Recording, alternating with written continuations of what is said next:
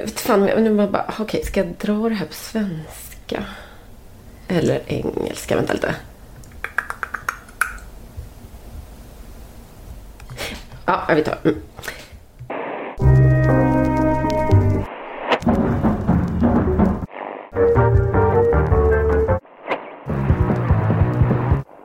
Your questions are false if you already know the answer. Det är ord som kommer från José Saramago. De skulle kunna uttalats av hans landsman José Mourinho. Det var väl någonting åt det här hållet som han febrade i helgen eh, om eh, frågor från en journalist eh, i samband med Manchester Uniteds genomklappning, eller förlust i alla fall, i matchen mot Liverpool.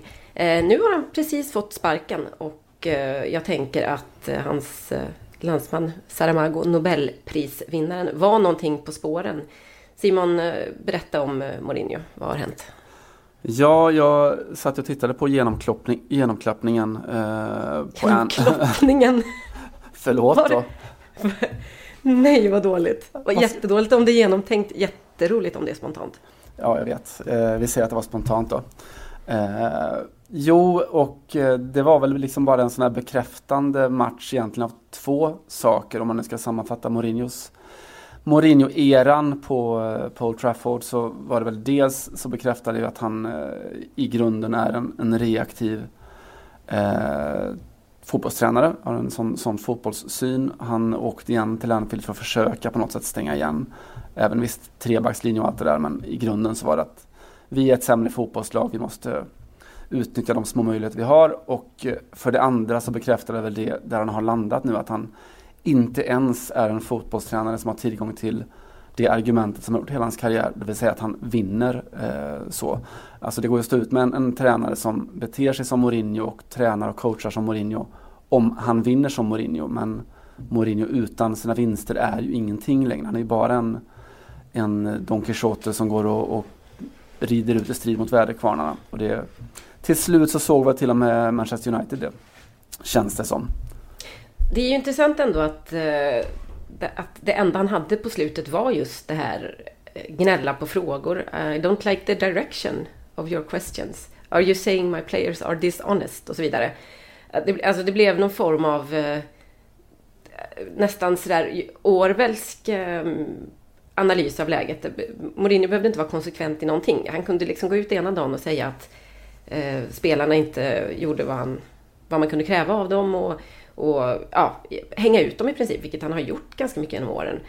Och sen när någon då ställer frågan om det är så att eh, han inte tyckte att spelarna gav allt, vilket ju är en, ett ganska vanligt scenario i, i slutet av en tränargärning, framförallt när många kanske vill bli av med en tränare. Det kan man ju tycka vad man vill om, men då, då var det journalisten det var fel på och då var det frågorna det var fel på. Och, alltså det, det är som ett, det här, hans universum som är ganska fascinerande så länge José Mourinho är herre på något sätt.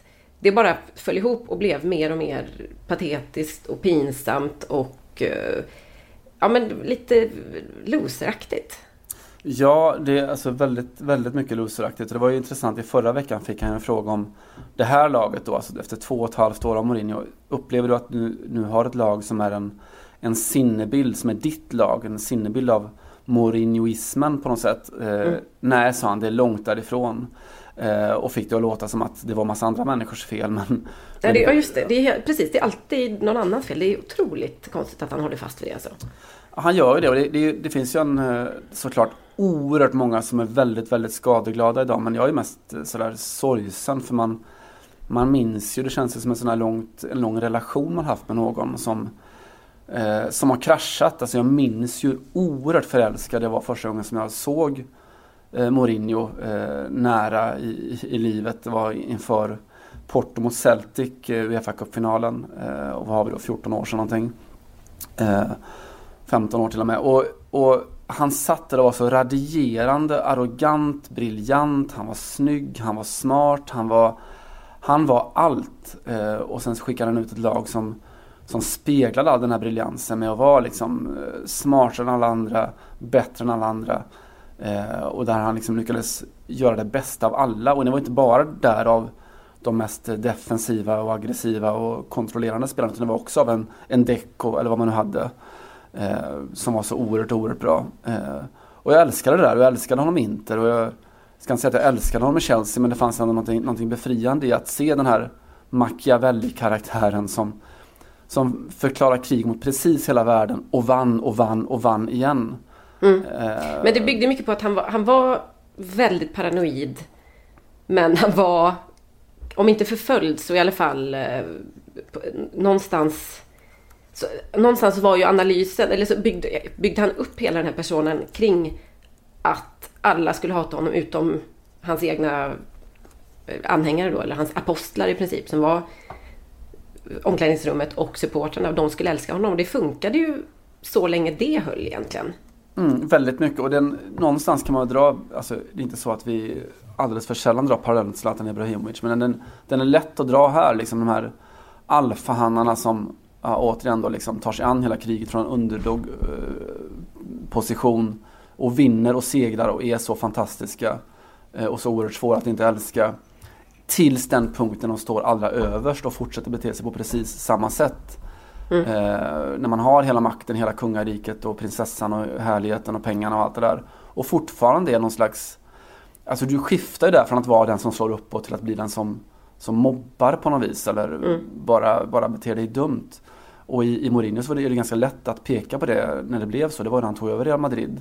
Och stod där med den klubb som hela världen i allmänhet och hela Spanien i synnerhet vet är den mäktigaste eh, vinnarklubben. Eh, som sannoliken inte har världen emot sig. Eh, och fortsätta och leka som att men här kommer vi och underdogs, här kommer vi och är Levante eller eh, Rayo eller någonting. Mm. Eh, och han blev så totalt genomskådad av alla runt omkring men kanske framförallt av av sina spelare som ju inte alls kände igen sig i den bilden. Nej. Det var intressant också, Iker Casillas twittrade ju igår eller om det var i helgen att eh, jag hör många som säger att en spelarkarriär som är på väg att ta slut. Vilket är fullt normalt, jag är 37 år. Men hur är det med, när tar egentligen en tränarkarriär slut? Eller no, alltså någonting åt det hållet. Som var, jag tänkte direkt det här måste ju vara Mourinho. Ja, det har väl inte bekräftats men jag såg att många spanska medier tolkade det som, som det också. Och då inser man vilka, vilka hål i själen, eller vilka sår i alla fall, som Mourinho lämnar hos vissa spelare som han inte har dragit jämnt med. Alltså det, det är sånt som kan sitta kvar sju, åtta år senare, eller hur länge sedan var det han var i Madrid? Ja, men någonting åt det mm. hållet. Mm. Eh, det är liksom inte han har ganska många, kanske inte karriärer på sitt samvete, men i alla fall väldigt dåliga perioder i enskilda fotbollskarriärer som, är, som man måste lasta Mourinho för. För att han, de som han lyckades bryta ner för att sen bygga upp, tackar jag honom, det är ju kanske Zlatan-typerna då. Men eh, de som inte klarade det eller som blev utsatta för rent orättvis kritik eller psykologiska spel eller mobbning om du vill. Eh, de har han ju förstört mycket för helt enkelt. Ja det har han ju definitivt gjort och, och eh, alltså, någonstans så tänker man, man funderar på den här ukroniska historieskrivningen, alltså om inte om-läget. Det pratades ju ett tag faktiskt med, jag vet inte om det bara var mediekonstruktionen eller om det faktiskt fanns små, några små spår av sanningen att han skulle tagit över Barcelona. Eh, och om vi tycker att Real Madrid var en krock eller att Manchester United var en krock av självbild och identitet så tänk den tanken att José Mourinho kommer in och är José Mourinho i ett omklädningsrum med fotbollsvärldens tydligaste konstruktiva identitet mm. och, och, präglad av, av Lionel Messi som kanske inte riktigt behöver den sortens ledarskap kring sig. Nej, just det. Då hade vi fått se ett, eh, ett världskrig snarare än eh, ja, inbördeskrig som det har varit i, i Madrid och i, runt Carrington. Uh, ja, hur som helst, nu är han ju borta i alla fall och uh, vi får väl se vad som händer med, med, United. De har ett kraftigt underskott som det känns på, på fotbollskompetens i, i sin ledning. Uh, och jag, alltså jag kan också störa mig lite på att nu, det har ju svängt någon gång på vägen så har ju Mourinho förvandlats i någon sorts mediemedvetandet. Från att ha varit världens bästa fotbollstränare till att vara en av världens sämsta fotbollstränare. Och jag vill hävda att det är inte alltid riktigt så enkelt. Det är inte så att eh, vi pekar väldigt lätt på det att men, de här tränarna som lyckas eller det går bra för eller som bygger någonting, de är fantastiska och de som misslyckas med det är väldigt dåliga. Eh, och då får vi alltid problem när eh, en Claudio Ranieri istället hamnar i Leicester och lyckas vinna helt plötsligt. Vad, vad händer där egentligen? Ja, mm. nu, det är inte så att hans tränarskap har kanske förändrats i grunden utan det är bara, alltså min, min eh, tes är ju att eh, det finns rätt och fel tränare och det kan liksom väldigt mycket vara beroende på situation och klubb och miljö och omgivning och kravställning och allt det där. Mm. Alltså en, en tränare som är en fantastisk tränare i en klubb kan vara en katastrof i nästa och tvärtom. Ungefär. Uppenbarligen, men också handlar det väl om en sak som kanske inte folk vill prata om så mycket, vare sig på den aktiva sidan eller i, inom journalistiken. För att det blir lite pajigt och kanske under, undergräver vår existens och betydelse. Men det handlar ju jättemycket om tur ganska ofta. Mm. Alltså att eh, vinna precis i rätt läge i, ett, i, en match som står och väger som kan rädda en hel karriär. För så, det har ju hänt rätt så många gånger. Och att man då får liksom ett mentalt lyft och Som i Manchester United. Det är ju hela, hela Manchester, ja, Manchester Uniteds moderna historieskrivning handlar om det, om hur Alex Ferguson var liksom ett, ett sent mål ifrån att få i princip sparken när han kom från Aberdeen. Och, och, och, och allting vänder med känt mm. resultat. Så, mm. så att visst kan det vara så. Mm. Um, det är svårt att veta vad som är vad, men det är ganska lätt att slå fast att eh, José Mourinho, eller José Mourinho har eh, lämnat lite för många klubbar på slutet med en rätt så bitter eftersmak. Alltså nu har han ju inte heller, antar jag, någon särskilt eh, liksom vid och stor meny av tränarjobb att välja på som han egentligen alltid haft kanske fram till nu. Ehm, det blir spännande att se vart han tar vägen. Vad tror du? Ja, lite måste han i alla fall börja om. Jag kan tänka mig Milan kan det vara helt, helt otänkbart. Ja. Eller är han för fin för det? Är han för... Alltså, hade, då vet, det enda han vet är ju då att då kommer ju alla Inter-supportrar hata honom. Mm. Eh, och diskvalificera hans, hans roll i deras historia. Och Milan är en lite för dålig klubb just nu för att någon ska kunna göra underverk tror jag. Alltså mm. om man tittar på spelmaterial och så vidare. Men eh, däremot inte sagt att han kommer ha så mycket bättre klubbar att välja på.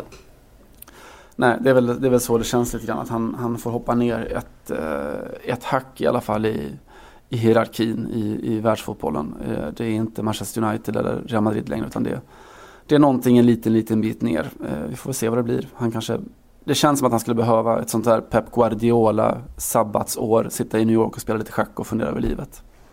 Mm, intressant. Vart skulle han ta sitt sabbatsår då? Mourinho? Eh, jag... Inte New York? Ja, alltså jag tänker lite på Alltså han, han, skulle behöva någon sån här mer, det ligger inte för honom, men någon sorts bu buddhistisk eh, ret Nepal. Ja, Någonting precis. sånt. Eh, men då tänker jag på vad han sa om, om vet han, Pietro Monaco som en av hans italienska kritiker i början då när han var i Inter och han, han sa att jag känner bara till eh, två Monaco. Det är Monaco, alltså det vill säga Monaco, eh, eller Bayern Monaco, det vill säga Bayern München. Den Just det. Pietro Monaco har jag aldrig hört talas om. Nej. Det är italienskans kanske största farligaste fallgrop. Jag var på en tågluff en gång och skulle förklara att vi hade åkt eh, för några italienare att vi hade åkt via München, eller vi hade gjort ett stopp där, jag och min kompis. Mm. Monaco, jag bara, nej. Eh, Monaco, nej, nej, nej, nej. Men det är, det är bara en liten intonationsskillnad mellan de två städerna på italienska. Ja, jag kan sakna tiden när Glenn Strömberg satt i, i tv-studion och pratade om att om, men här va, här va, de gör det väldigt, väldigt bra va, Bayern Monaco va. Det ja, det är fint. Man. Mm, det, var, det var fint.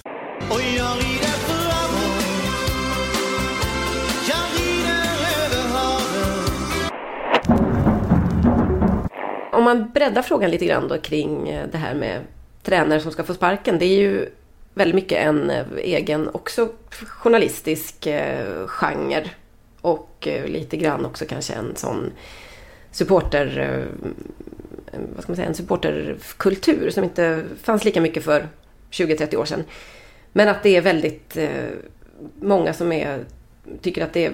Alltså det, det är väldigt snabbt så man kommer till den här slutsatsen att den och den måste få sparken. Alltså om man tittar på ishockeyjournalistiken till exempel så är det ju kanske en av två grundbultar eh, är ju att någon måste få sparken hela tiden. Mm. Och fotbollen har ju dragit sig lite grann åt det hållet, eller väldigt mycket åt det hållet. Och, och risken med det som hänt med José Mourinho nu, där är ju av allt att döma var enda utvägen, är ju att man ändå bara eldar på den här idén om att så fort någonting inte riktigt håller så måste en tränare få sparken. Och det är ju väldigt sällan det är enda lösningen för, för krisande klubbar. Um, jag vet inte, jag, jag har varit inne på det tidigare och jag funderar på det fortsatt då och då det här kring tränarnas väldigt speciella position i liksom fotbollsfaunan på något sätt. För att de är ju otroligt vördade oftast och mer och mer. Alltså tränar, den här tränarkulten har ju bara blivit större och, och, och större. I Premier League är det ju hälften av allt som sägs handlar ju om tränare. Och eh, Italien har, det är ju så egentligen i Spanien också, att man mer och mer ställer tränarna mot varandra och, och hittar, bevakar dem som, som de superstjärnor som de faktiskt också är. Och ändå så har de eh, inga som helst, eh, ingen anställningstrygghet mm. helt enkelt. Och vi pratade ju om eh, Lopetegi tidigare under hösten och när han fick sparken så, så, så kan man alltså gå från att ha liksom bränna två broar till de absolut största drömjobben som finns som spansk tränare, nämligen att först ta över det spanska landslaget och bli av med jobbet innan man får spela VM och sen få lämna Real Madrid eh, och allt eh, eller i alla fall Real Madrid-historien, handlar ju bara om att man, man har en, en, en dålig... Eh, man är inne i en dålig period, eller vad ska man säga, det har inte börjat något vidare. Och man, har, man får liksom inte ens ett halvår på sig att, att reda ut det. Det är, alltså det är sjukt att tycka synd om fotbollstränare, men det är någonting som är problematiskt med tränarrollen ändå. Jag vill hävda det och att det inte finns några som helst skydd för Eh, och ingen som helst anställning, anställningstrygghet. Ingen chans att våga satsa långt helt enkelt. För det är oftast det som blir konsekvenserna av det. Ja, det, alltså det ställer också helt nya krav på den, den nya generationens fotbollstränare. Jag delar din bild helt och hållet att vi är mitt inne i en sån här tränarkulttid där tränarna blev så, liksom, det var de största stjärnorna vi hade ett tag i, i de stora klubbarna. När det liksom mm. var Guardiola, Mourinho. Var ju eh, framförallt då, precis. Och Premier League hela tiden egentligen konstant. Så de var så oerhört, oerhört viktiga var alla överens om. Eh, samtidigt som det här skedde parallellt med en utveckling där, där spelarna blev då, mycket tack vare sociala medier, ännu större stjärnor.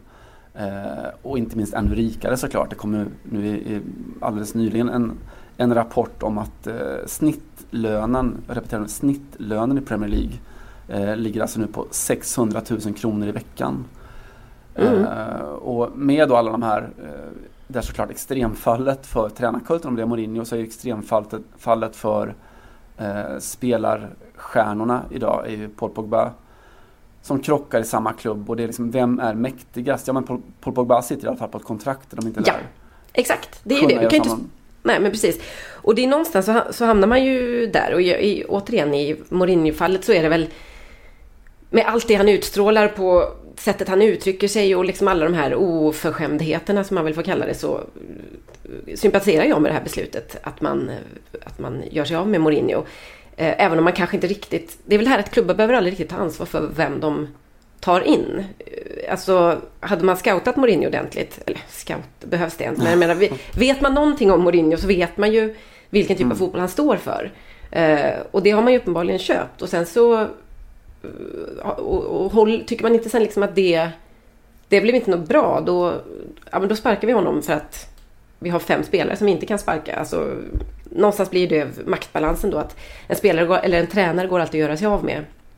Även om det kostar mycket pengar och eh, kostar mycket generellt. Eh, för att deras eh, anställningsposition mm, då, eller vad ska man säga, på, ja, deras position på arbetsmarknaden är mycket, mycket, mycket mer eh, sårbar. Och är, eller den är mycket, mycket skörare helt enkelt. Du sökte en tränare, du fann en själ, du är besviken. Som eh, Ed Woodward sa. Du sökte en kvinna och fann en själ. Du är besviken. Ja, nej, men det finns ju så här, alltså, vad, vad blir följden? Vad är liksom nästa steg och sådär. Det är intressant att se att det här liksom sammanfaller med då, när du får den här, vi har pratat om det förut, med generationer med extremt unga akademiskt skolade tränare utan ofta utan den här stora spelarbakgrunden då. Eh, där Tyskland nu går före och så. Eh, och det finns ju en rimlighet, alltså som den arbetsbeskrivningen ser ut. Dels att du ska kunna hantera unga människor. Eh, att du ska kunna vara duktig psykolog, personpsykolog snarare än då sektbyggare som, som Mourinho är. Mm. Och auktoritär. Och att du ska kunna vara en som är lätt att göra dig av med på, på kort sikt om ingenting funkar. Så ja, men ge mig en 28-åring då som, som eventuellt är svinduktig men skulle det visa att han inte är det så ja, men då kan vi kicka honom efter åtta månader utan att det kostar för mycket eller blir för jobbigt eller för tungt. Mm. Eh, att jag tror att man kanske kommer få se ännu mer av den, av den varan framöver. Dels för att det svarar mot ett behov som finns i fotbollsvärlden. Eller två behov egentligen. Och dels behovet av att få tränare som är i samklang med sin tid och dels att du får tränare som är någon slags då med respekt för det ordet, ett prekariat som du kan skicka ut lite eh, till vargarna när, när det tränger lite. Just det. Eh, en eh, tränare, inte tysk då, men eh, germanofon eller vad säger man? Eh, österrikisk och i samklang med sin tid om vi ändå pratar om det. Eh, Ralf Hassenhüttel, mm. Southamptons tränare. Vet du vad han eh, gjorde inför eh, matchen i helgen? Där de ju slog Arsenal med 3-2. Ja, med tanke på hans historia kanske drack Red Bull, jag vet inte. han, bjöd, han bjöd eh, alla hemmasupportrarna på Just det, just det, det är sant. Mm. Det var, tyckte jag, ett eh, steg kanske lite ifrån den här lite mer eh, moderna renlevnadstysken som vi ändå ser på ganska många håll. Thomas Tuchel i, i mm. PSG till exempel, vegan, renlevnadsmänniska och så vidare och alla de andra unga genierna som vi har pratat om och som du säger, de här akademiskt skolade. Det här var någonting helt annat. Det kanske behövs fler österrikiska tränare för en bra balans eh, på, på den stora fotbollsmarknaden. Eh, jag tycker att det är en bra spaning. Eh, Österrike har ju aldrig gjort någonting ont mot världen. Så att... det var jättelätt att, att slå in. Mm, faktiskt, men de ska också slås in, så är det. Ja, kittlande är det hur som helst. Det, det kommer nog vara fler än vi som pratar om, om Mourinho eh, och så. Men om vi ändå bara går på, ska gå på de här stora, eh, jävligt självklara ämnena så kanske vi ska prata lite om Zlatan också. För att eh, nu har det ju kommit ut en liten videosnutt, kallar jag det, för jag är nämligen 55 år gammal. där där eh, Zlatan inte säger någonting utan eh, det är bara han står på något sätt i ett eh, omklädningsrum framför en taktiktavla och så hör man massa medieröster från amerikansk TV antar jag att det är i bakgrunden som spekulerar i att han har gjort sin sista match i MLS då. Att han kommer lämna Galaxy och så vidare. Och så skriver Zlatan bara att MLZ då, MLZ, LOL I'm not done with you yet. Och det här blir vanligare och vanligare, nämligen att eh, spelare, när de kommer som nya till klubbar så presenteras de ofta kanske med en, en liten eh, liknande introfilm som också har blivit mer och mer eh, en tävling att göra dem så kul som möjligt. Då är det väl klubben som håller i det ändå oftast. Men eh, det här att spelare som blir kvar i en klubb på eget bevåg eh, sätter ihop en liten film eller en stor, som eh, Antoine Griezmann gjorde. Vi har ju diskuterat den, La Decision, där mm. han i 45 minuter sitter och spek eller spekulerar, men eh, pratar om det här beslutet som levereras på slutet då, nämligen att han blir kvar i Atletico Madrid. Och att det här på något sätt är, det har gått varvet runt. Silly var väldigt länge en, en period då journalister och supportrar och så vidare satte press på spelare och på klubbar. Vad händer med dig? Vad händer med dig? Eh, kan vi få en kommentar till det här? Din agent sa att och hur ställer du dig inför det här att Juventus eh, tycker att du hade varit ett bra tillskott och så vidare och så vidare. Och att det var ganska länge en, en period som vissa spelare ville, tror jag uppfattade som lite jobbigt eller de kanske undvek media eller gick förbi i mixade zonen när man ställde de här frågorna.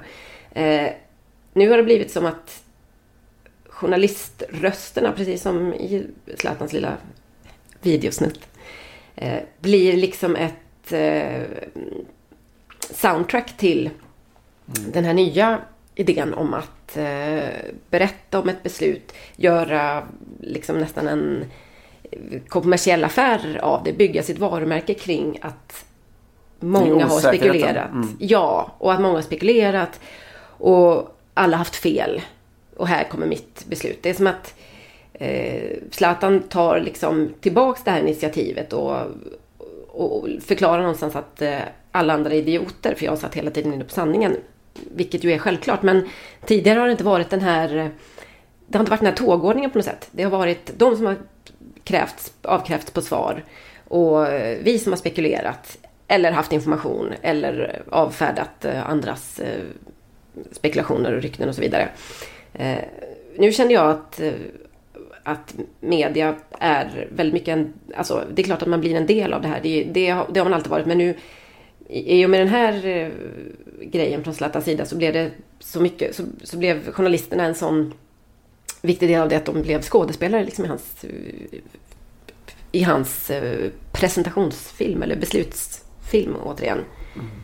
Vet du vad det här, vad det här liksom på något sätt bevisar? Eh, alltså man kan tycka att det här, ja men det var ju piggt av Griezmann och det var lite nytt och lite groundbreaking och sånt där. Men ingenting nytt under solen. Jag känner att eh, de som är san, sanna liksom eh, groundbreakers, vad, vad handlar om den här kommunikationsformen? Vet, vet du vilka det är?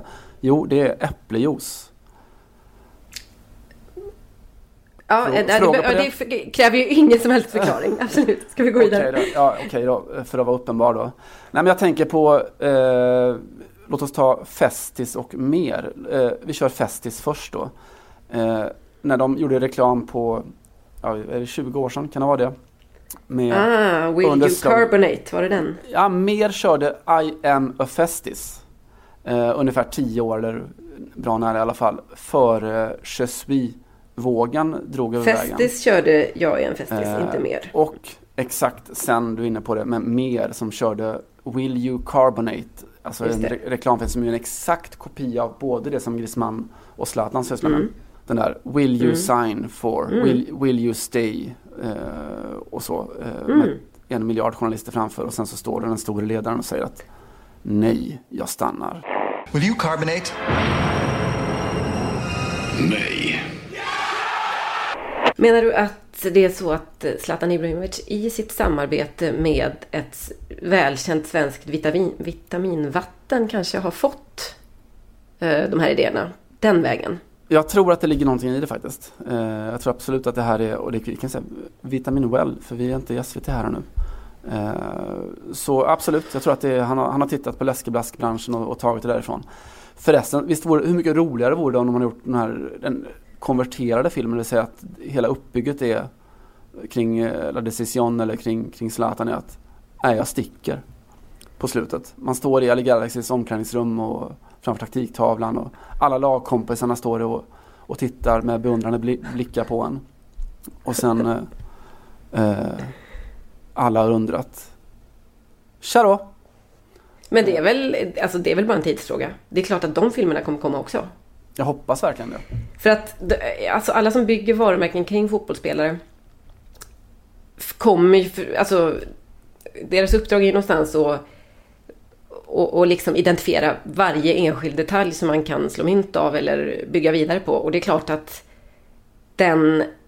Från det att man tagit beslutet att jag blir inte kvar här men ännu inte skrivit på för en ny klubb eller det är inte officiellt eller man kanske väljer att skjuta upp det just för att kunna göra den här grejen. Så mm. finns det ju ännu ett eh, ett moment att liksom eh, göra en poäng av eller bygga sig själv kring. Jag tror inte att det är långt eh, borta alls. Man hade velat se den typ när Sol Campbell lämnar Tottenham för Arsenal eller sådär. Ståendes mitt i omklädningsrummet. Kaptensbindeln om armen. Everyone spinasken. Ja, men det var, väl, det var väl hela poängen i och för sig. Att han både berättade att han skulle sticka och till vilka samtidigt. Annars hade inte den varit lika bra. Nej, det är precis sant. Men jag tänker på när, när eh, om vi tar Zlatan, jag tycker att han är kanske världens mest eh, innovativa när det gäller de här grejerna. Det, det är verkligen inte enbart en komplimang, men om vi nu ska verkligen se det ur ett, ett kommersiellt perspektiv så har han ju de senaste åren lyckats göra precis max av alla både klubbbyten och uh, icke-klubbbyten. Med god hjälp av media förstås. Men jag tänker på när han lämnade PSG så spelade han ju sin sista match med... Eh, då hade ju hans eh, båda barn varsin tröja på sig där det stod King och respektive Legend.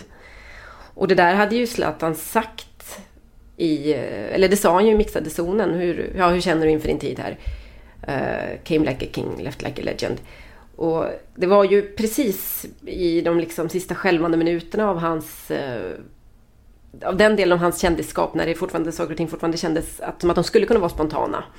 Eh, och att det kanske bara var något som flög i honom och att det var ganska roligt. Mm. Och sen så kommer liksom ungarna i förtryckta tröjor med de här orden och då förstår man att okej, okay, det här var det här var inplanerat. Det här var någon som satt och kokade ihop på ett eh, kontor med eh, du vet, en sån hög barstol och ett bord som kanske bara var en glasskiva och stålbågade glasögon. Det är lite den känslan man får.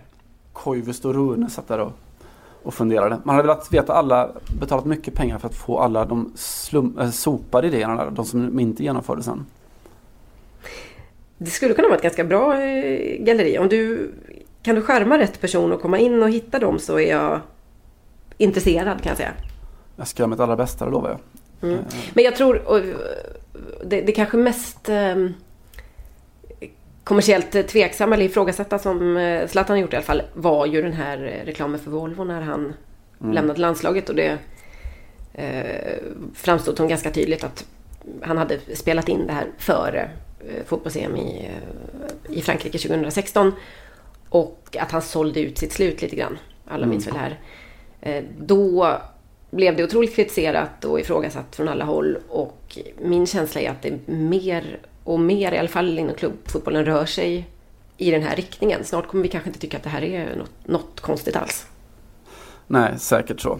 Eh, ja, läskigt är det hur som helst. Och det, här, det här är sakerna vi pratar om. Vi kan väl eh, som en liten fondvägg lägga in det faktum att det Evening Standard, eh, stora engelska tidningen, har just nyligen gått ut med en stor granskning av bredd och gräsrotsfotbollen i, i hela England och hur den upplever en, en oerhörd ekonomisk kris. Brist på planer, en av tre planer bara är, och de som finns är spelbara överhuvudtaget.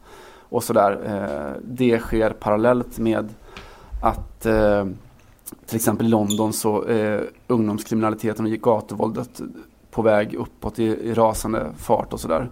Eh, de behöver sina pengar mer än någonsin men men eh, de får dem inte, eh, inte tillräckligt i alla fall. Samtidigt som lönerna eskalerar i Premier League eh, och Manchester United utan att blinka kan göra sig av med, med José Mourinho med alla de extra kostnader som det, som det kostar. Då.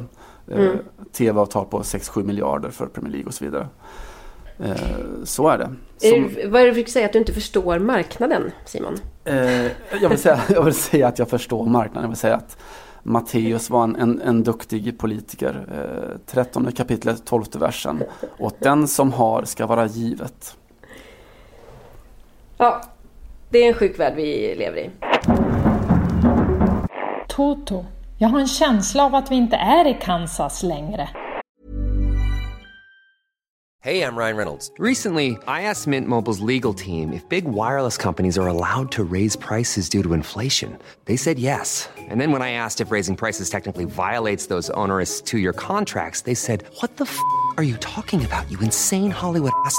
So to recap, we're cutting the price of Mint Unlimited from $30 a month to just $15 a month. Give it a try at mintmobile.com slash switch. $45 up front for three months plus taxes and fees. Promo for new customers for limited time. Unlimited more than 40 gigabytes per month. Slows. Full terms at mintmobile.com.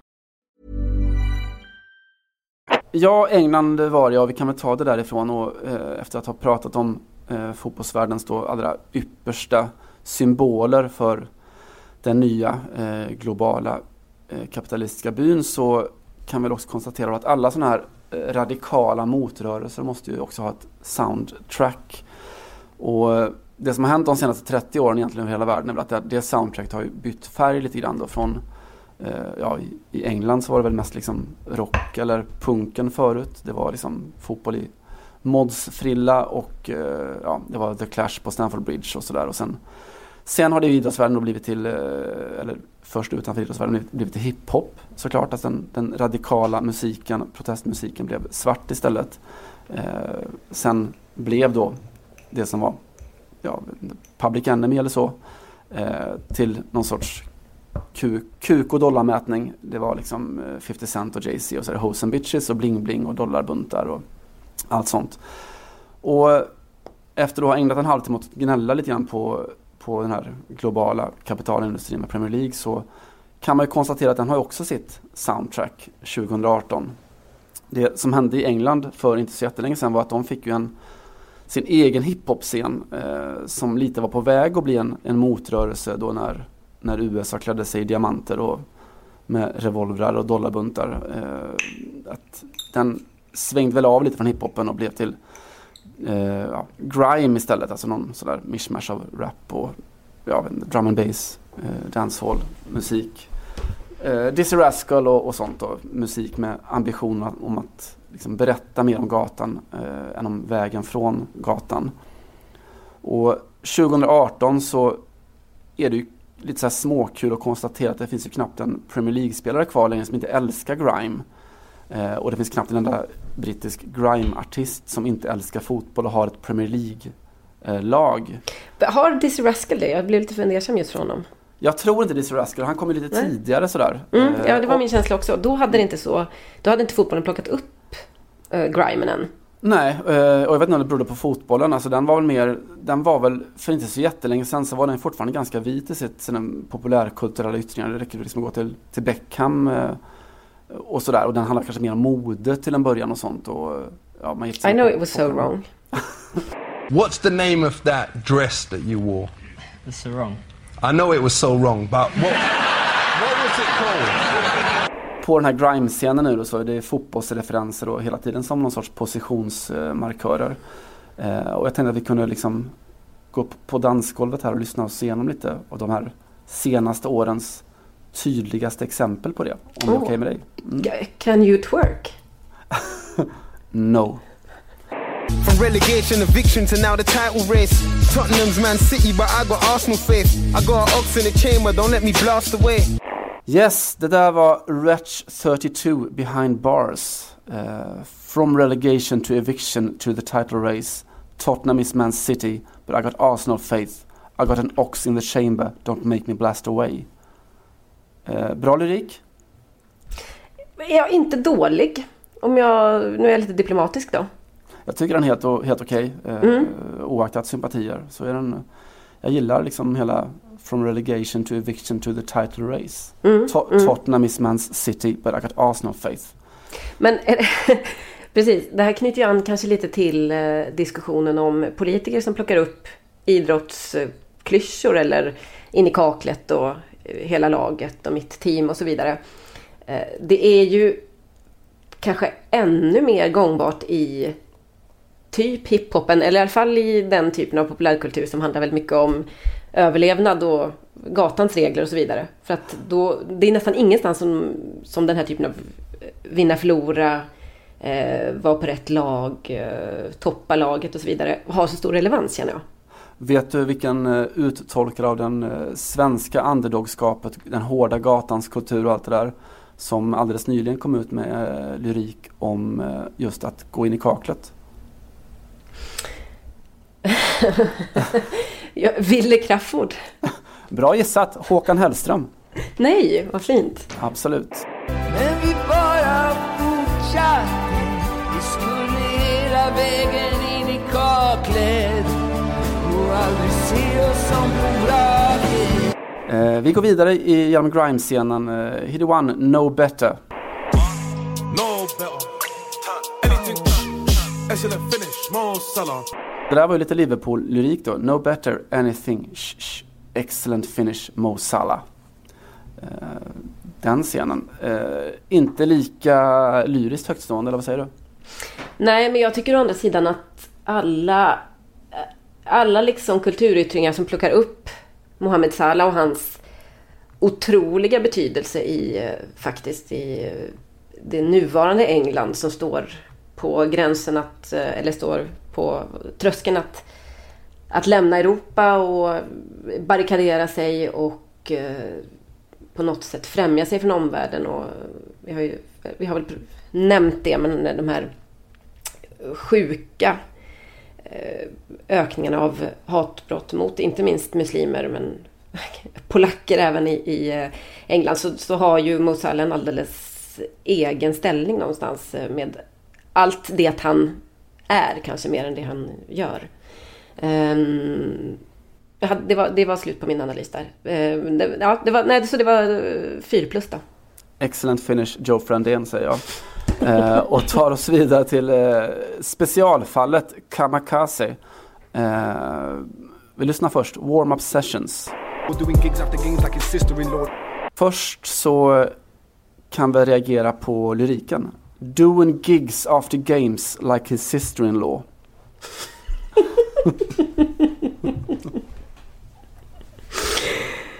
Dra skämtet om att ha varit i Big Brother och så vidare. Jag har glömt det.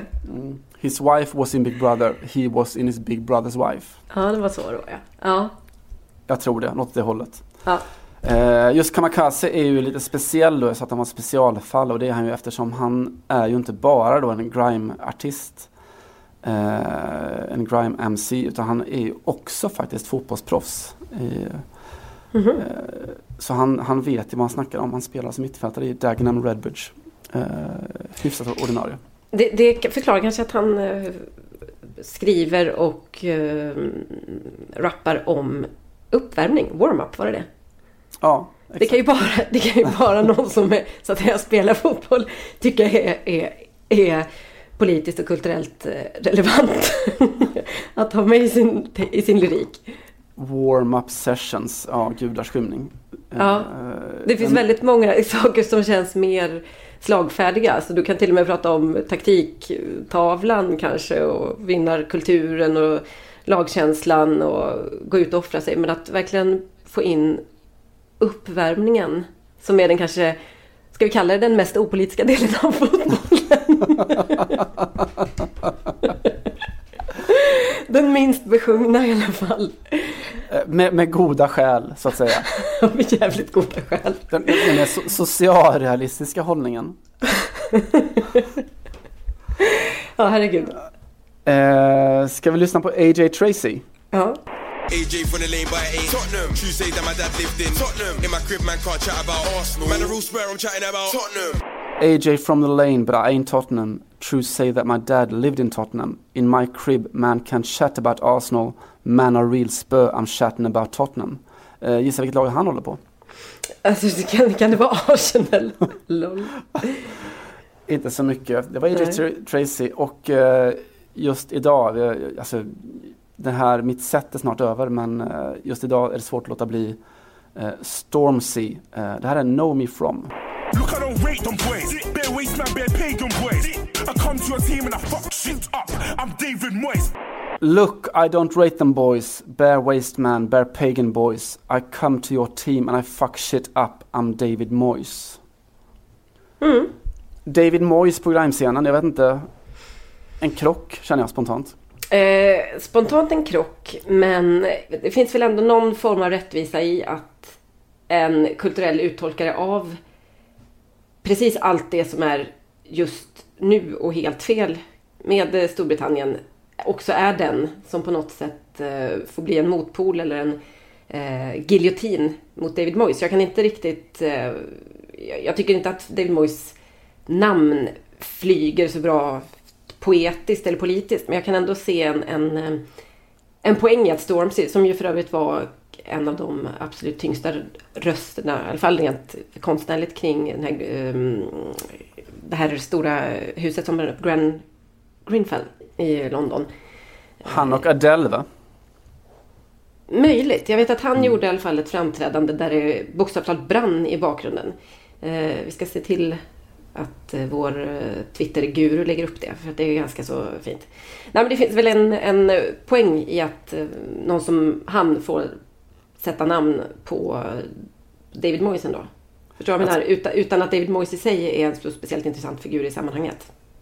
Eh, i- I det sammanhanget också kan man säga. Mm. Eh, nej, Ja, håller med. Moist to the guillotine. Eh, så att säga, för att Mm. ta en annan populärkulturell referens. Eh, du sa som du sa att Stormzy är ju Die Hard United verkligen. En som är Die Hard och eh, säkert eh, stundtals Dead också är ju Cassis Dead. Som har den oturen i livet att hålla på Newcastle. Eh, han har ju haft den goda smaken i Demigod där han eh, rappar om eh, Clear your lines like John Fertongen. Men ännu bättre i All Hallows. Lyssna.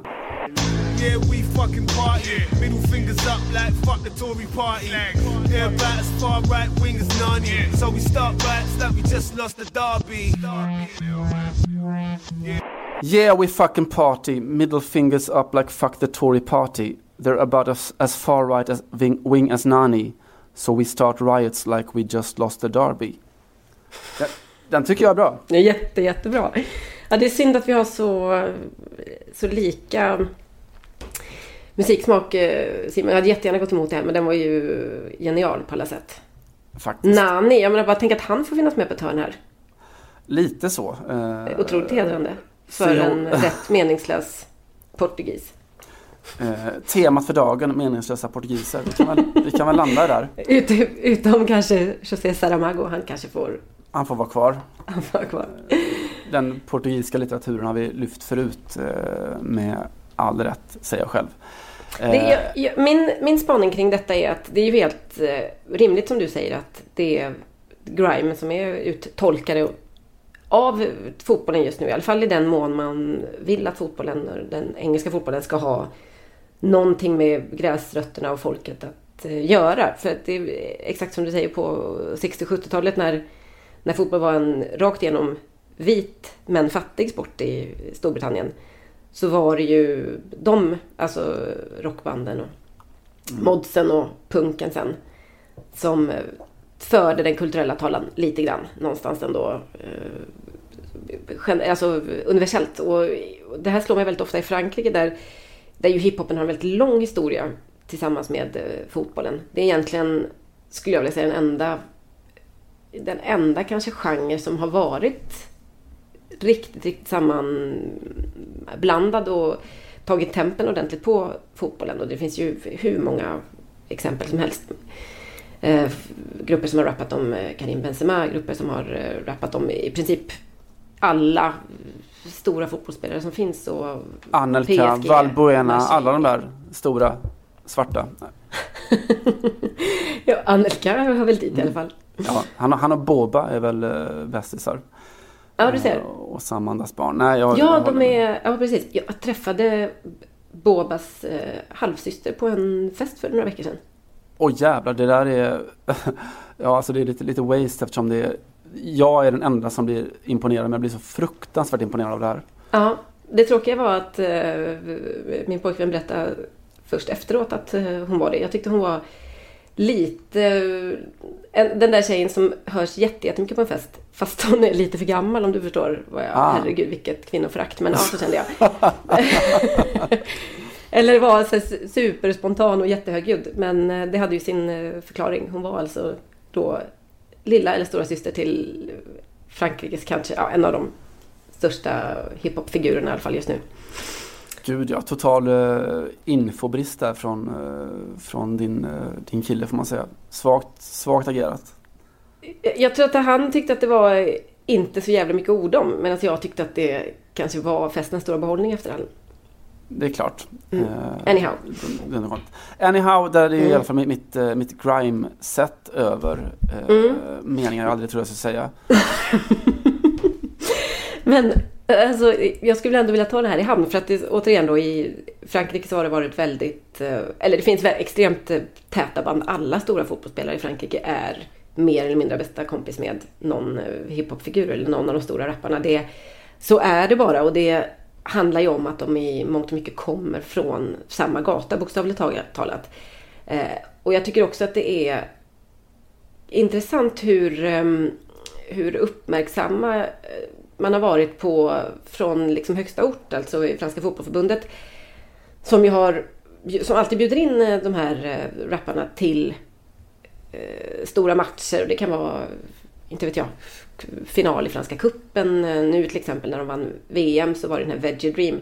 Det kanske inte är liksom den tyngsta gatupoeten. men det är ändå eh, någon som på ett mycket kommersiellt sätt då får sätta ord på en erfarenhet som de allra flesta spelarna har eller gillar eller identifierar sig med på något sätt.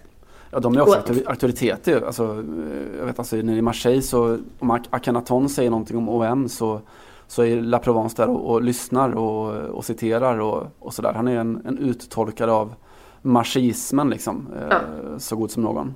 Ja, precis. Nej, men, och det här är ju helt logiskt och det kanske är ett lite ändå lite fattighetsbevisat på något sätt att det alltid är typ Gyllene Tider eller Staffan Hellstrand i Sverige som får eh, berätta och tolka ut eh, det svenska herrlandslagets eh, äventyr eller eh, VM-drömmar och så vidare.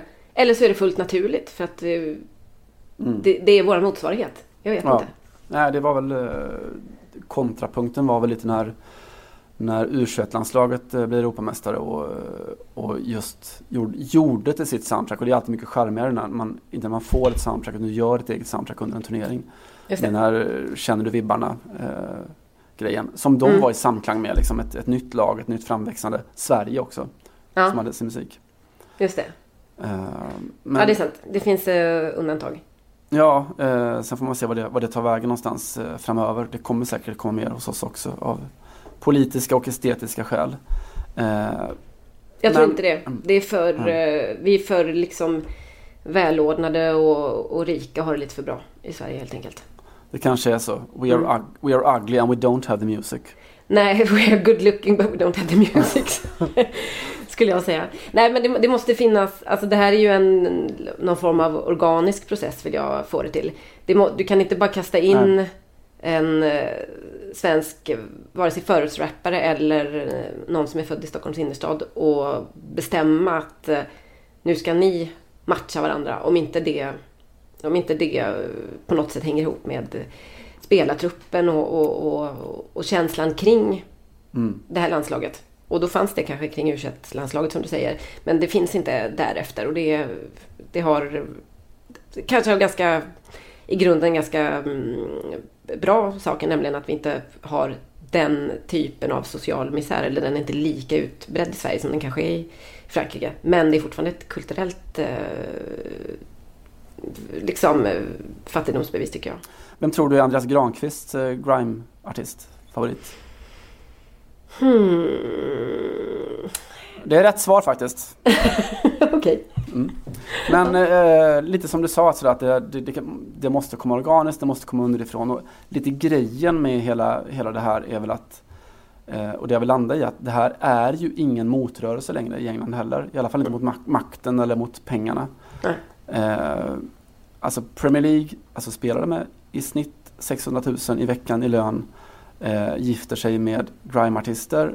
Eh, och det här har inte gått obemärkt förbi, så, så såklart så har de som vill ha pengarna. Gifter sig. Är det här våra nya wags? Är det det du försöker säga? Jag tror det. Okej. Wags and. Rascal. ja. Om det, om det vore så väl, mycket mer På, mycket på Dizzy. Rascal på, på semester med Sol Campbell. Gud, De var väl samma generation någonting. Ja, förmodligen. En, Mm. en god och en ond. Eh, Vem klär bäst i bikini? Och så vidare. Alltid sol. Eh, I solen. Eh, men alltså det som har hänt då, alltså nyligen så gick ju Adidas ut och meddelade att de har startat ett, ett projekt då, där de för samman gatans två huvuduttryck som de skriver då. Fotbollen och musiken. Åh, Och nej, men vad fa- de måste skaffa sig en ny copyright. Alltså det här förhåller inte. Adidas. Vilka... Va? de skulle plockat upp mers copy kan man tycka. Ja, exakt. Eller i alla fall Zlatans. Eh, Men de Är det, så är det här lite som de som skulle starta en hamburgerkedja i Stockholm som skulle vara någonstans mellan Kreuzberg i Berlin och Brooklyn? det, kom ett, ja, det kom ett pressutskick om detta för typ två veckor sedan. Ja, ja men det är, väl- det är väl så, så i takt med tiden Adidas verkar vara just nu. Vad, vad betyder det? Betyder det att man inte kommer in eller? Om man ska vara så halvvägs i Kreuzberg, då är du inte välkommen hit. Nej, jag tror, att, jag tror att det handlar om att man i kanske fem års tid inte har fått en... en man har inte haft tillgång till en enda annan eh, sån eh, kommersiellt utskick från någon i restaurangbranschen och tänker det här känns lite nytt och bra. Mm. Eh, och så Och blir det- man ett meme. Den här kör vi in i kaklet tänkte de. Ja, lite så. Vi kör in, Mm. eller så alternativt vi ser om folk går på det och synar bluffen och hittar skrattet. Mm. gudars skymning. Eh, det som Adidas gjort då i, i sin eh, Kreuzenberg-gärning eh, är att de, då, de skickar ut musik med Gunna och Notes och sådär och så lanserar de en ny fotbollskollektion. Eh, och det hade ju varit okej okay om det inte hade varit så att det vore en, en, regel snarare än ett undantag nu. Nu är det liksom så att släpper United då sin, den här vidriga rosa tredje stället så är det, då är det Stormzy som är där och lanserar den. När Tottenham släpper sin, sin nya Nike, sitt nya Nike-ställ, då är det AJ Tracy där och, och rappar liksom ut på sociala medier och så. Så att så mycket för motrörelsen. De tror väl att det här fortfarande är någon sorts gatans ljud men det är inte det. Det är ljudet av, av pund som faller till marken konstant. Och när Manchester City lanserar sitt tredje ställ så är Liam Gallagher där och talar om hur fult det är. det är han ju alltid. Apropå att bli en, en parodi på sig själv och så vidare. Mm. Eh, men det är hemskt, alltså makten flyttar på sig och musiken eh, bara hänger med eh, mm. på något vis. Mm. Och, alltså, snacka om gubbig spaning men man, man har ju ändå liksom, det är väl ett bevis på att det går så oerhört mycket snabbare nu, att det är så oerhört svårt att orientera sig och att det är vi sitter här och, och låtsas vara radikala också igen. Eh, eh, och man tvingas hela tiden förhålla sig till den kommersiella världen för annars så syns man inte, hörs inte och finns inte ens en gång. Alltså det är väl inte... Jag upplever det inte som ett tvång så mycket som eh, någonting som... Om man inte gör det så går det inte riktigt att titta på fotboll längre. Alltså jag känner i alla fall det mer och mer. Man kan inte hålla på och förhålla sig till den världen om man inte hela tiden har någon form av filter på kring det kommersiella spelet runt omkring. Nej, och det är väl den, den rollen vi tar, vårt kors att bära, att eh, konstant eh, stå och inte säga memento mori men säga, jag vet inte, kom ihåg att världen är en jävligt otäck plats ungefär. Mm. Eh, och fotbollsvärlden.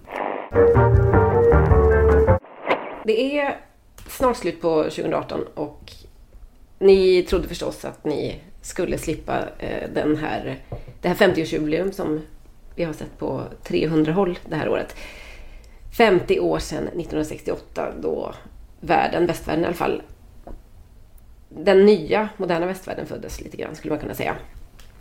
Eh, det var i... Eh, mycket av det som hände hände ju i Paris. Man pratar om studentrevolt och eh, generalstrejker och andra saker som lamslog landet och eh, för all del övriga Europa. Eh, och det är lite intressant för att vi har ju pratat en hel del om de gula västarna i Frankrike 50 år senare så här. De eh, fick ju till slut upp sin minimilön med 100 euro per månad. Det, blev, det, var, det var så långt som Emmanuel Macron, presidenten, var beredd att gå häromdagen. Han har sagt att jag har lyssnat och jag har förstått och man ska kunna leva på sin lön och så vidare. Jag tror att, jag läste någonstans att minimilönen under kravallerna 68, eller efteråt då, gick upp med 35 procent. Så det är ett välprövat beprövat sätt att få fart på ekonomin helt enkelt. Privatekonomin i alla fall. Eller få mer pengar i de fattigas fickor. Hade det funnits en linje i Macron och hans sätt att tänka så hade han så här, tingat de här 100 euro och sagt att det räcker precis till en kostym på Zara. Eh, Gå och köp den nu, era strejkande arbetarpack. Exakt så. Eh, det var väl det han sa någonstans mellan eh, raderna. Enligt ganska så många som lyssnade och inte tyckte att det där var så särskilt genuint. Men kanske mer en panikåtgärd än någonting annat. 1968 så protesterades, demonstrerades och manifesterades det på alla möjliga håll i Paris och det strejkades ju väldigt, väldigt mycket. Det sköts och barrikaderades eh, också, det var ganska våldsamt. Eh, fotbollen var inte undantagen förstås. Det var en eh, grupp fotbollsspelare som ockuperade fotbollsförbundet, det franska. Och ställde ett gäng krav på en fotbollskultur som man tyckte var alldeles för konservativ och ja, helt enkelt inte i, i takt med tiden. Bland annat så krävde man att man skulle upphöra med den här spelarlicensen som då fanns och eh, som uteslöt all eh, amatörverksamhet. Eh, man ville också att det skulle bygga, eller krävde att det skulle byggas mycket, mycket fler fotbollsplaner. Enligt de här upprorsmakarna då, eller ockupanterna, så fanns det en övergripande idé om att ha så få fotbollsplaner och det var att eh, man skulle stoppa fotbollen från att bli den eh, folkliga sport och den politiska kraft som det hade möjlighet att bli. Eh, därför krävde man då fler eh, fotbollsplaner skulle byggas. Och eh, det var, det var en, en ganska ideologisk strid på många sätt. Det handlade faktiskt också om att eh, man upplevde att den fotboll som spelades i Frankrike, framförallt då herrlandslagets, var alldeles för konservativ, försvarsinriktad och eh, icke-kreativ. Alltså eh, någon form av Mourinho-fotboll. Och eh, till exempel så fanns det en eh, eh mån månadstidning som heter Le Miroir, eh, Le Miroir du Fotboll. Fotbollens spegel. Som förde den här kampen och den här tidningen gavs ut faktiskt av kommunistpartiet i eh, Frankrike. Så att eh, det visar lite vilken plats fotbollen hade i, i, i hela den här revolten som eh, inträffade. Nu kommer vi till profilen. Det är en välkänd typ som inte kanske har gått till historien som någon större älskling i det franska fotbollslandslaget. Jag vet att du inte älskar honom heller Simon. Han heter Raymond Domenech och var ju Frankrikes eh, förbundskapten eh, under 2006 eh, när man gick till final, förlorade i VM-finalen mot Italien. Och inte minst 2010 när Frankrike föll ihop i Sydafrika med, ja det var en annan typ av spelarstrejk kanske man kan säga, inte så ideologiskt driven den som inträffade då. Dominik var i alla fall, han var ung 68 men han fanns med på ett hörn här och och eh, fyra år senare var han en, lite av en eh, förgrundsgestalt i den här eh, rörelsen. Så på den tiden så försökte fotbollsförbundet och det franska göra en återgång till de livstidskontrakt som skrevs med spelare och som gjorde på många sätt fotbollsspelare vad ska man säga, de, de, de gjorde dem lite livegna helt enkelt. Det här var en del i 68-rörelsen och kraven och eh, det var, föll på Raymond Domenechs axlar att eh, ta den här striden en gång till 1972. Och eh, man gjorde det via en eh, strejk. Det var den 3 december 72 så ställde man in alla matcher utom två i ligan. För att eh, driva den här frågan helt enkelt. Med eh, stor framgång.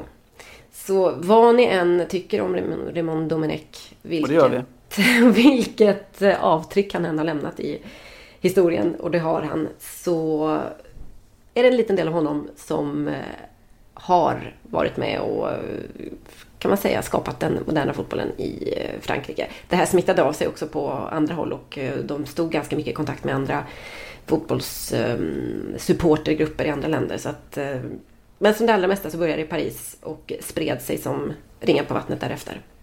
Raymond Fint ändå.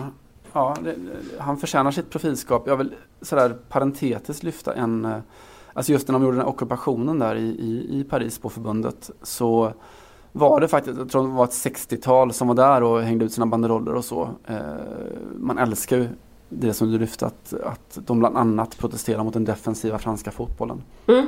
Eh, men, ja, men det, det, visar ju vilken, vilken uh, genomideologisk uh, bild man hade av fotbollen eller upplevelse man hade av fotbollen och så som jag tycker att det måste vara. Det, någonstans så håller inte den här typen av uh, protester och radikalitet om, inte, om man inte blandar in själva kärnan som ju är fotbollen och spelet. Om inte allting hänger ihop så är det ju. Eh, just det där att saker hängde ihop och så. Där och då så var det väldigt få eh, professionella spelare, alltså 68, som, eh, som deltog i ockupationen. Det var faktiskt bara två stycken proffsspelare som, som var med och visade sitt stöd. Mm. Den ene, André Merel, vänsterback, of course, i Red Star i Paris, of course. Mm. Eh, och just han har ju sin eget, förtjänar sin egen profilmarkering. Han, eh, långt efter det här, eh, på 80 och 90-talet, så hamnade han som talangutvecklare på Clairefontaine, eh, franska talangcentret i Paris, eller utanför Paris. Eh, och var alltså en av de absolut drivande, absolut tyngsta krafterna bakom hela det franska talangundret. Mm. Var liksom med och fostrade Thierry Henry och Anelka och, och alla dem. Eh, och rankades då som en av världens mest framgångsrika talangutvecklare överhuvudtaget. Mm. Överförde ju alla sina radikala idéer uppenbarligen på Annika och Thierry Henry. Visst är det fint. Eh, André Merel förtjänar också att nämnas, eh, Ja. tycker jag. Ja, fint.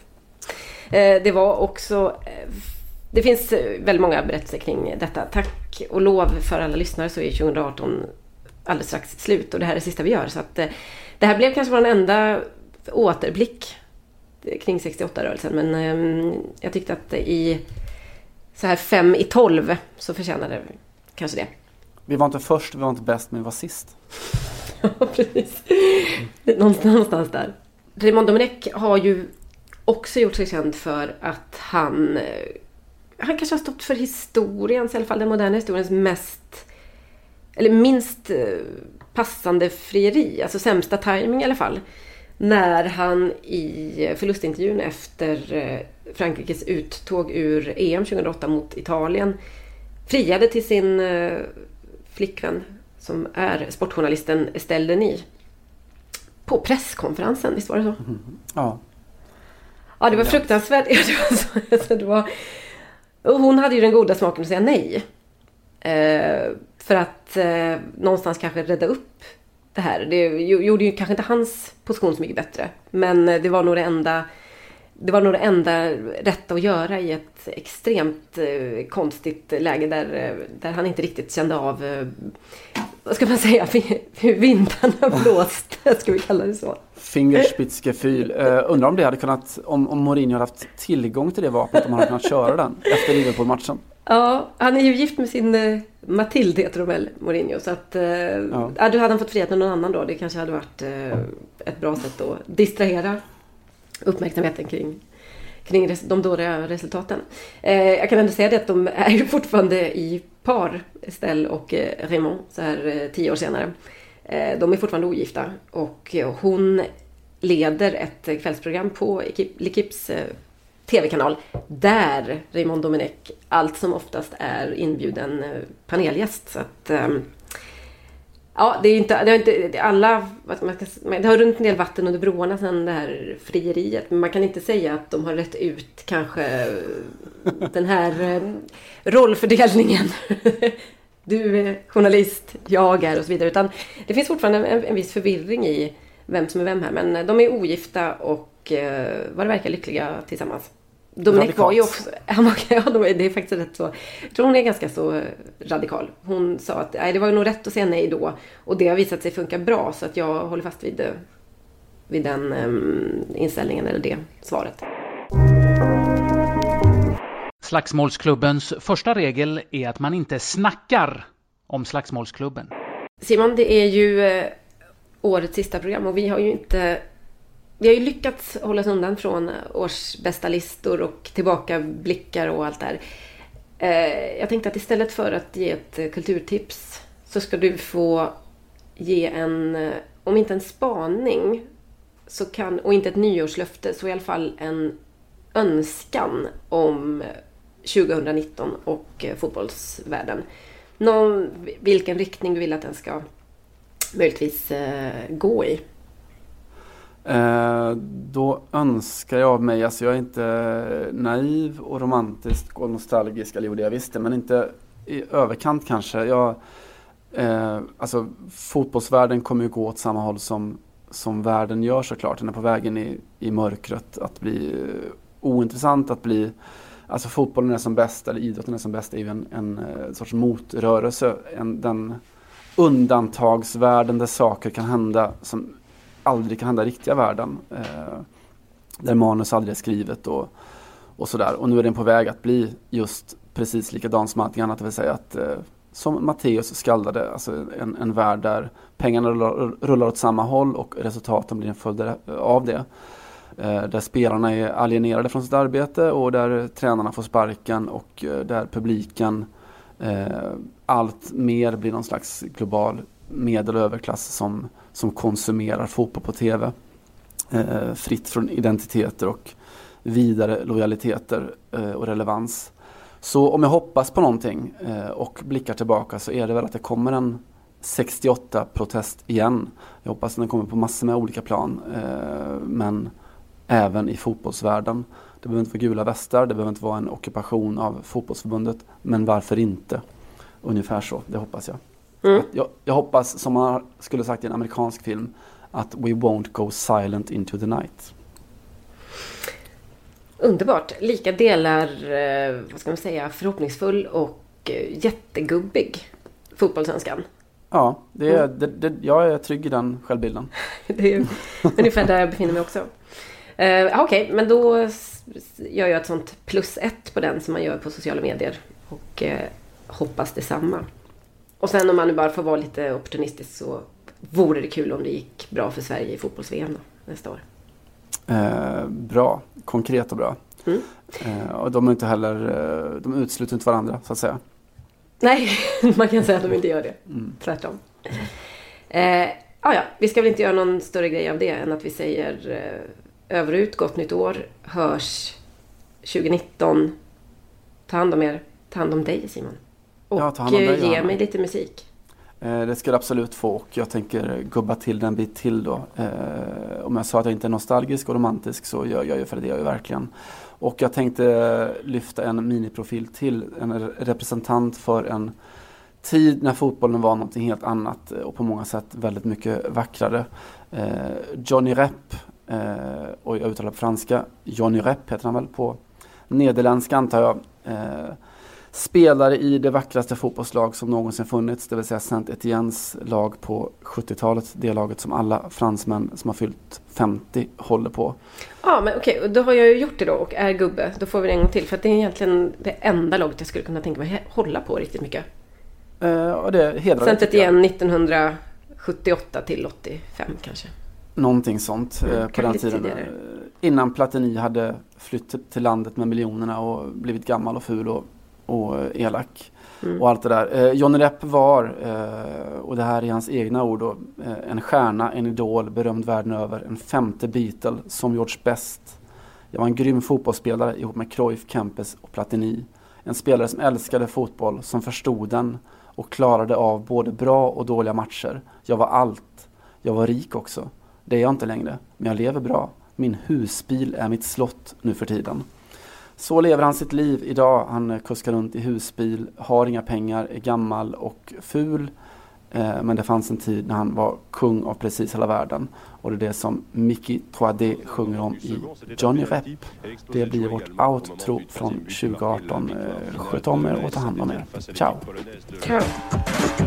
Ce soir c'est le tout premier match de la saison Et Johnny Rep les cheveux blonds. 45 000 personnes se tassent dans le chaudron. Et Johnny Rep enlève son pantalon.